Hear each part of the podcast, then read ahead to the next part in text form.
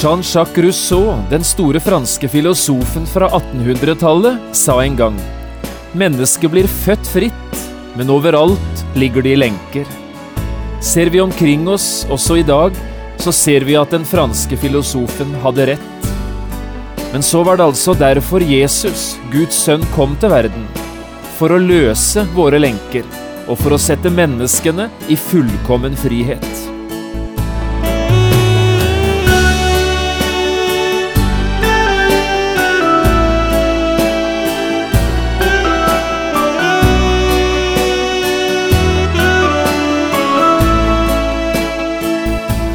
Hjertelig velkommen til et nytt program i serien Vindu mot livet. Programmet er produsert av Kristen Riksradio og blir ledet av Jon Hardang. Kristen Riksradio drives av frivillige gaver. Vi er glade for din støtte.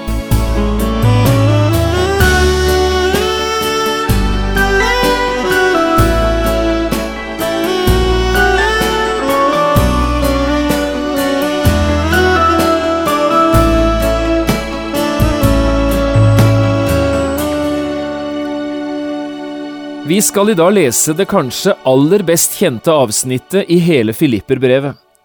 Vi holder fortsatt på med bibelundervisningsserien Gled deg, der vi ser på hovedtankene i dette Filipperbrevet, og vi leser igjennom brevet vers for vers. Vi skal nå lese fra Filipperbrevet og kapittel fire, vers fire til ni. Jeg har kalt dagens program Fri fra bekymringer. Paulus skriver. Gled dere i Herren alltid. Igjen vil jeg si, gled dere. La deres saktmodighet bli kjent av alle mennesker, Herren er nær. Vær ikke bekymret for noe, men la i alle ting deres bønneemner komme fram for Gud, i påkallelse og bønn med takk. Og Guds fred, som overgår all forstand, skal bevare deres hjerter og deres tanker i Kristus Jesus. For øvrig, brødre, alt som er sant, alt som er ære verdt, alt som er rettferdig, alt som er rent, alt som er verdt å elske, alt som folk taler vel om, alt som duger og er ros verdt, gi akt på det.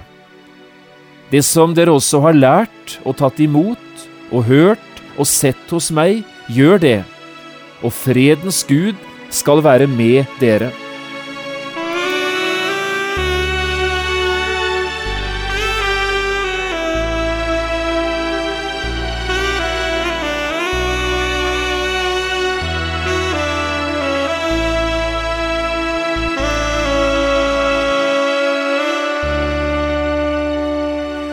På ei lita øy midt i innseilingen til byen New York, Liberty Island, finner vi den berømte frihetsstatuen. Helt siden 1886 har denne kvinnen stått her på Frihetens øy, like ved porten inn til frihetens land, Amerika. Dette landet som for mange ble selve symbolet på drømmen om frihet, framtid og håp. Selve statuen er 46 meter høy og står på en sokkel som er like høy.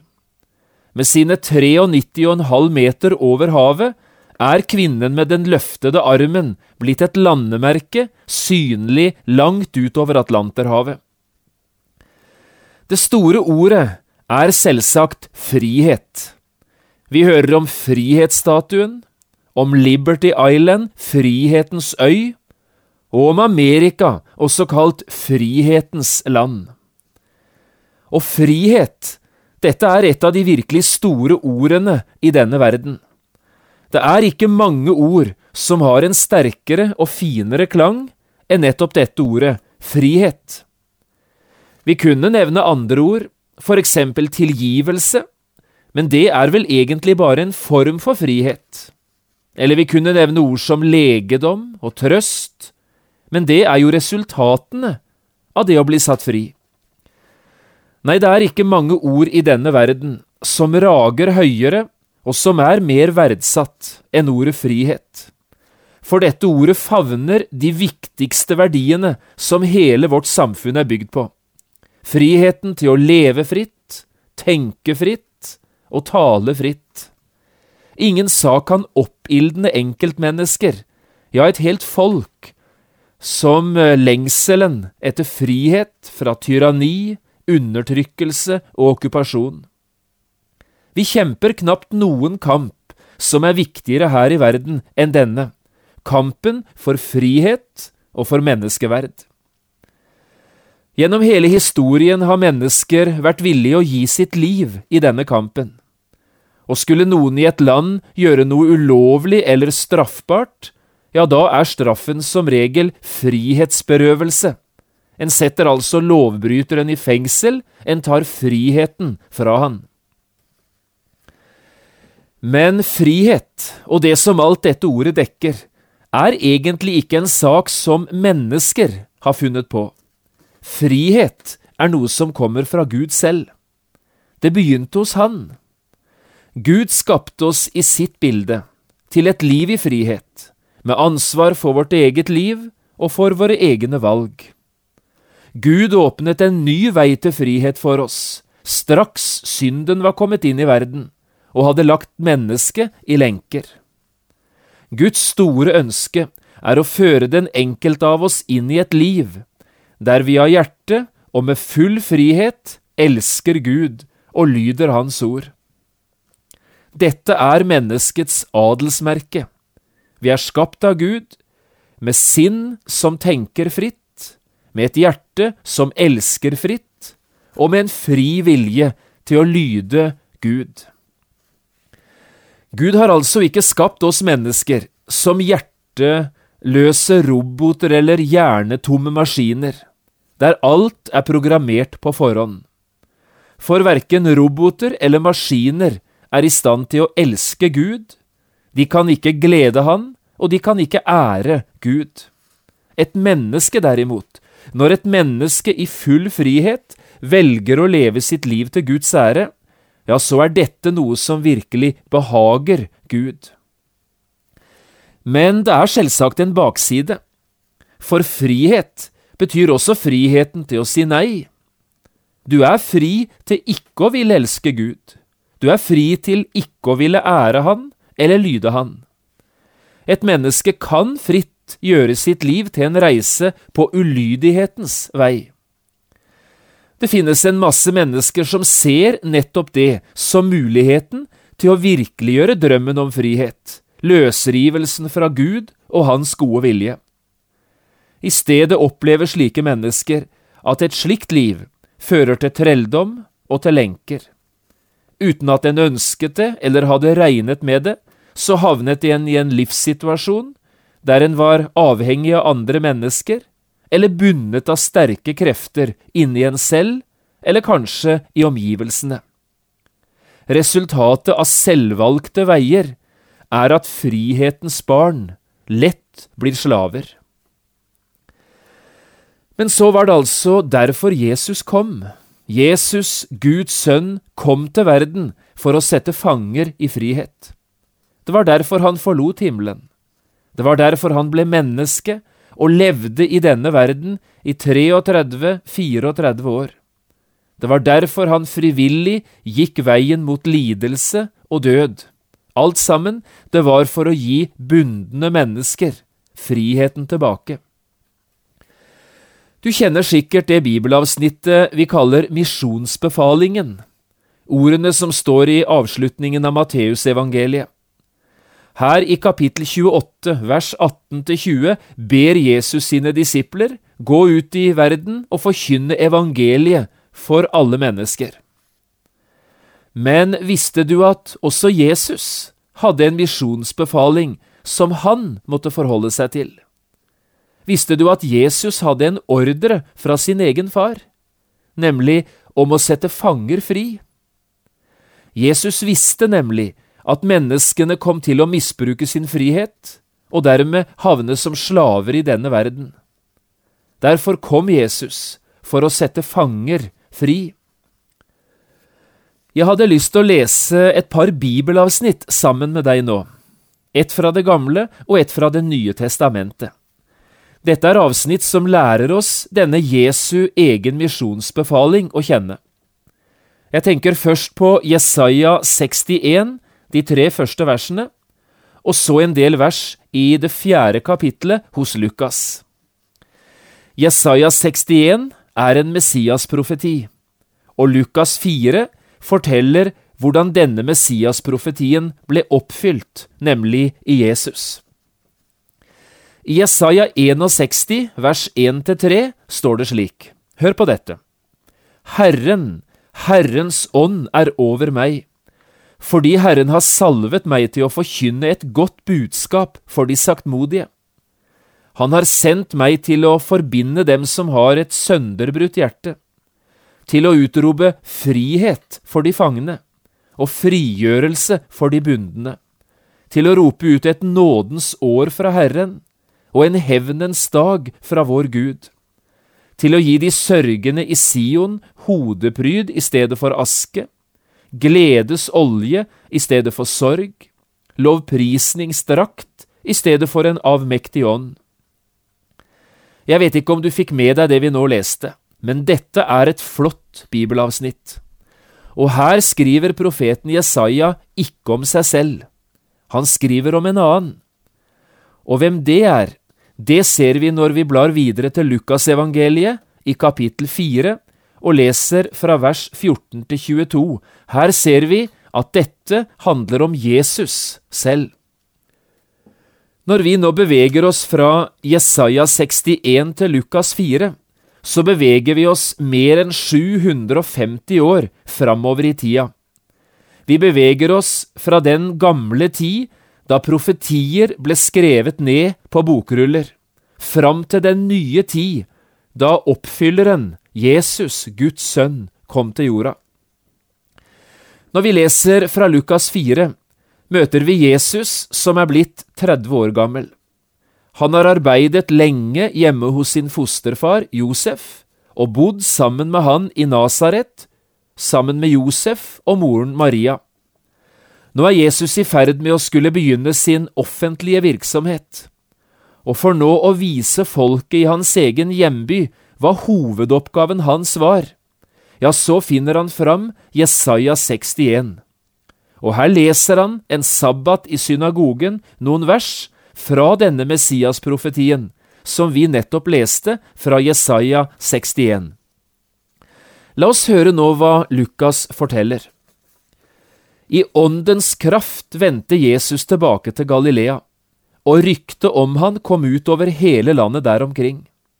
Han lærte i deres synagoger og ble prist av alle.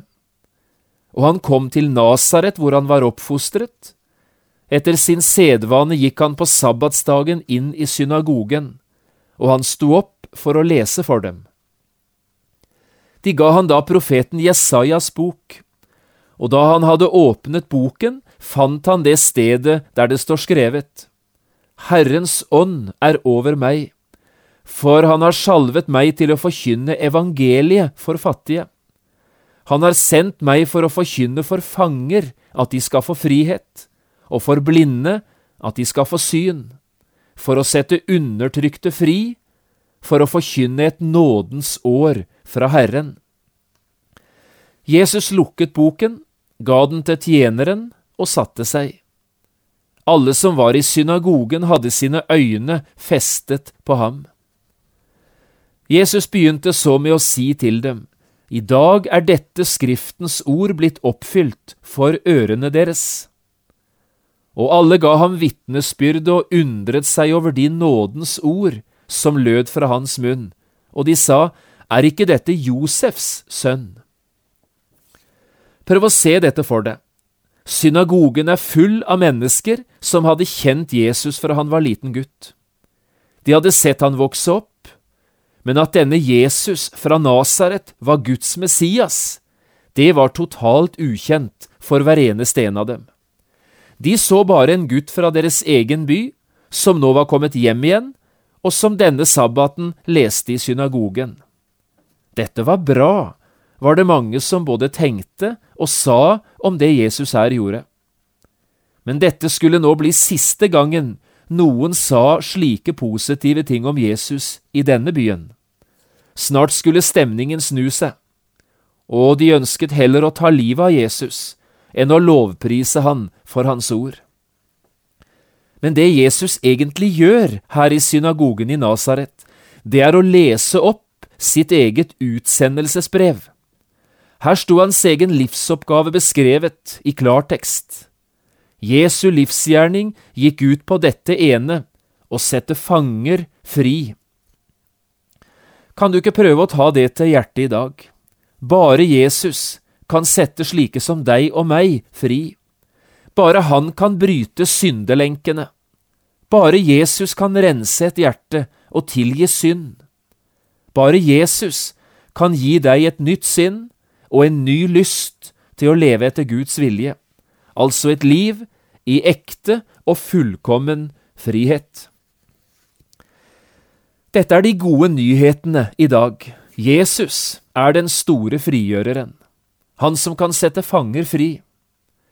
Men kunne vi spørre, fri ifra hva? Det er jo ganske sterke ord de Jesus her bruker i sin tale i synagogen i Nasaret, når han skal beskrive den tilstanden som du og jeg som alminnelige mennesker befinner oss i, før Jesus kan få satt oss i frihet. Han bruker ord som fattige, fanger, blinde og undertrykte. Dette sier jo noe om et helt spekter av behov som du og jeg har, nettopp fordi vi er falne, syndige mennesker. Og likevel, til tross for at både Bibelen og Jesus bruker så mange forskjellige uttrykk, har vi lett for å tenke i helt bestemte retninger, når det er snakk om at Jesus kan sette mennesker fri. Ja, for vi tenker umiddelbart på slaveriet under alkohol eller stoff, vi tenker på seksuelle synder, på løgn eller på tjuveri, eller kanskje på mord, altså de store, synlige og grove syndene. Og la nå det være sagt, Jesus kan frelse et menneske fra alt slikt.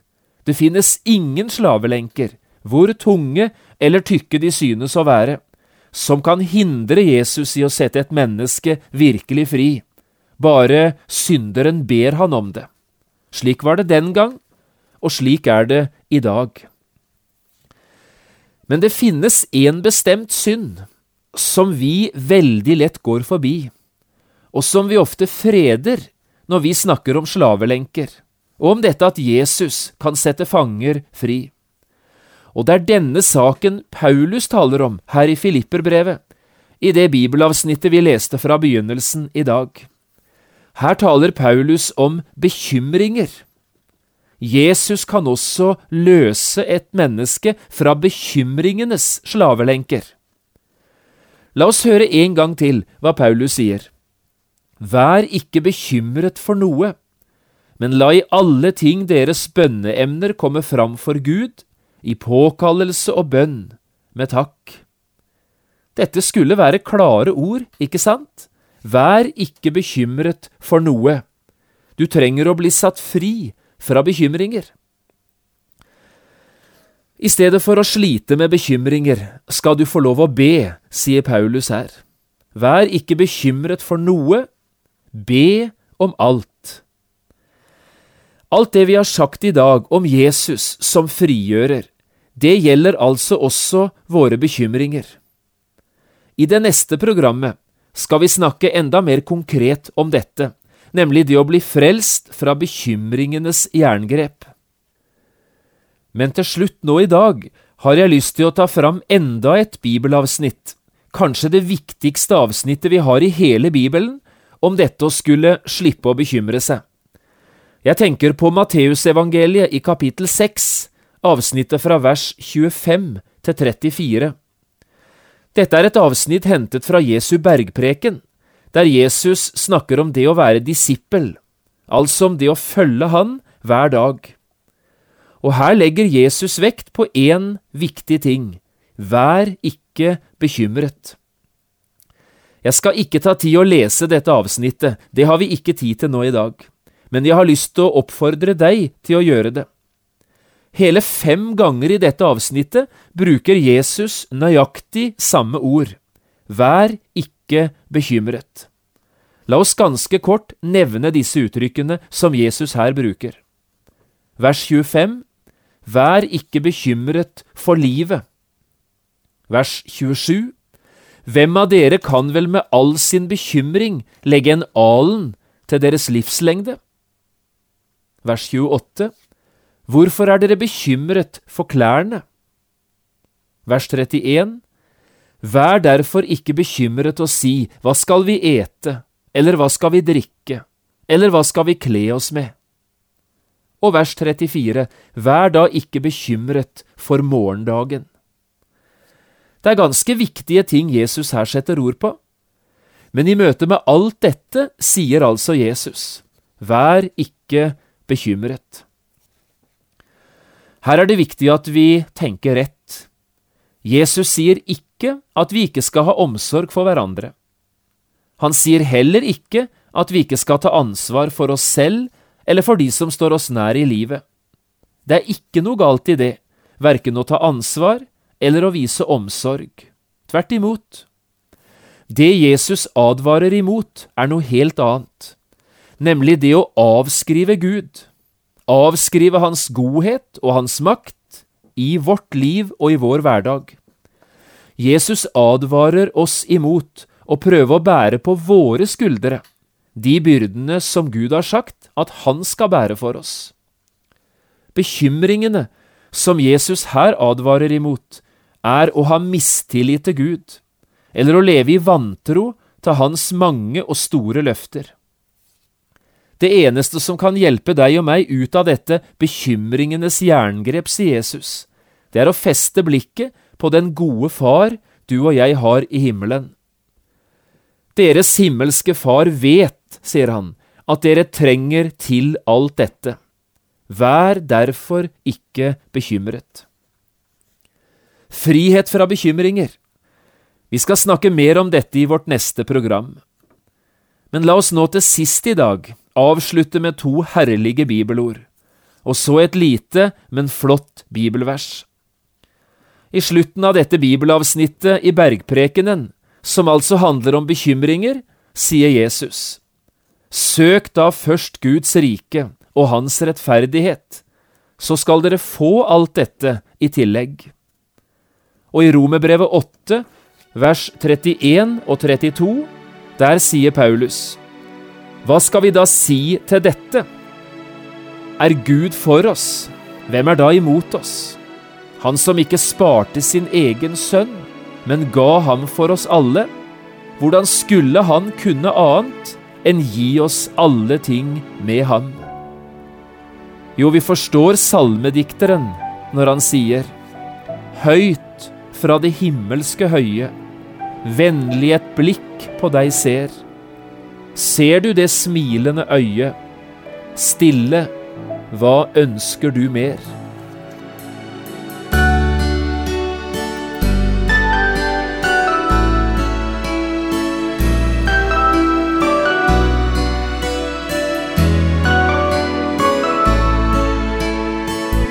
Du har lyttet til et program i serien Vindu mot livet med John Hardang. Programmene i denne serien kan også kjøpes på CD fra Kristen Riksradio, eller høres på internett på p7.no. Har du spørsmål eller kommentarer til det du nå har hørt, kan du ta kontakt med oss. Adressen er Kristen Riksradio, Skiene 2, 5353 Straume. Eller send en e-post vml alfakrøll p7.no. Takk for i dag, og på gjenhør.